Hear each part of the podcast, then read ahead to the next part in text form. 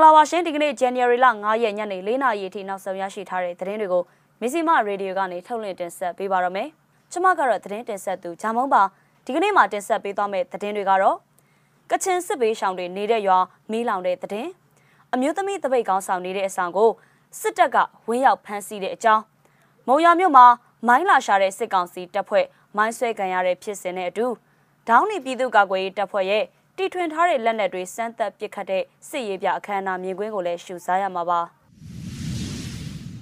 ကချင်ပြည်နယ်ကစစ်ဘေးရှောင်တွေကိုပြောင်းရွှေ့နေရာချထားပေးတဲ့မြကြီးနားမြို့အန်ခိုင်ဘုံအမျိုးသားဥယျာဉ်တောင်ကြီးမှာရှိတဲ့ငွေပြော်စံပြကျေးရွာမှာမနေ့ညကမီးလောင်ခဲ့ပါတယ်။နေအိမ်၃လောက်လောက်ပျက်စီးဆုံးရှုံးခဲ့တဲ့အကြောင်းဒေသခံတွေစီကနေသိရပါတယ်။မနေ့ကအညတကောင်မတိုင်ခင်မီးစတင်လောင်ကျွမ်းခဲ့တာပါ။ကျေးရွာထဲမှာရေခက်ခဲရှိတာမြို့နယ်အလှမ်းဝေးတာတွေကြောင့် စစ်ပေးရှောင်တွေအတွက်စောက်ထားတဲ့နေအိမ်၃လုံးထိမီးလောင်သွားခဲ့ရတာဖြစ်ပါတယ်။မီးစတင်လောင်ကျွမ်းမှုကိုတော့စုံစမ်းနေဆဲဖြစ်တယ်လို့သက်ဆိုင်ရာအုပ်ချုပ်ရေးအဖွဲ့တာဝန်ရှိသူတဦးကပြောပါတယ်။ငွေပြောစံပြကျေးရွာကကချင်ပြည်နယ်ထဲမှာရှိတဲ့စစ်ဘေးရှောင်တွေကိုနေရပြန်လဲချထားဖို့ရည်ရွယ်ပြီးသမရဟောင်ဦးသိန်းစိန်က2023ခုနှစ်မှာတည်ခဲ့တာပါမြစ်ကြီးနားဝိုင်းမော်ချီဖွေနဲ့စွန်ပရာဘုံတို့ကစစ်ဘေးရှောင်တွေကိုတီးသက်နေရာချထားပေးတဲ့ကျေးရွာတရွာဖြစ်ပြီး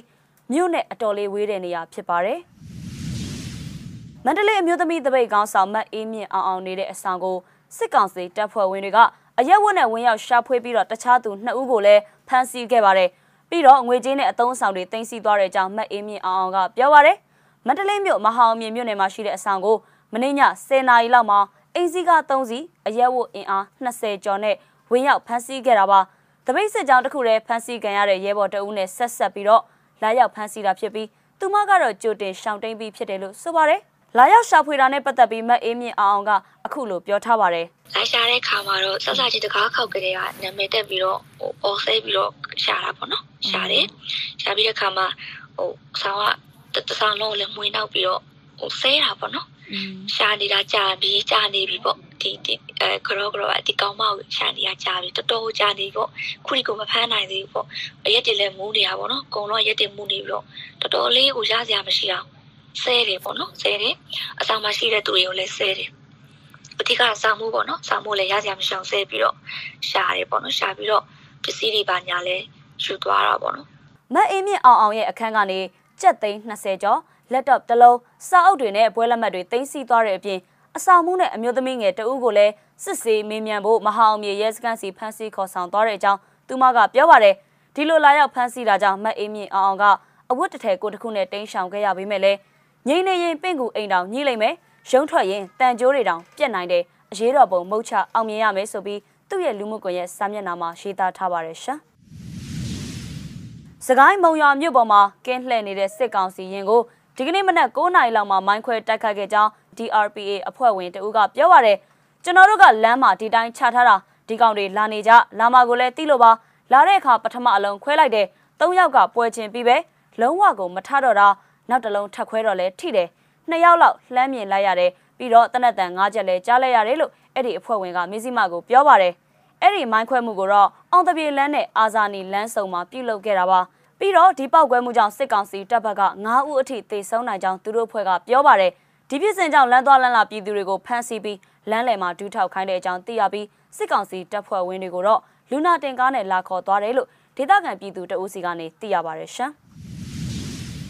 စကိုင်းတိုင်းဒေသကြီးကနေမြို့နယ်အခြေစိုက်ဒေါင်းနေပြည်သူ့ကာကွယ်ရေးတပ်ဖွဲ့အနေနဲ့တီထွင်ထားတဲ့လက်နက်တွေစမ်းသပ်ပစ်ခတ်တဲ့စစ်ရေးပြအခမ်းအနားကိုဒီကနေ့မှကျင်းပပြုလုပ်ခဲ့ပါတယ်။အဲ့ဒီအခမ်းအနားမှာတီထွင်ထားတဲ့လက်နက်တွေကိုစမ်းသပ်ပစ်ခတ်တာ၊ကျန်းသစ္စာကျိန်ဆိုတာစစ်ရေးပြတာနဲ့အဖွဲ့အစည်းတီထောင်လှုပ်ရှားနေတဲ့အကြောင်းပြည်သူတွေကိုအသိပေးတာတွေပြုလုပ်ခဲ့တယ်လို့သိရပါတယ်။ရုပ်သံဗီဒီယိုကိုလည်းရှုစားပေးပါအောင်ရှင်။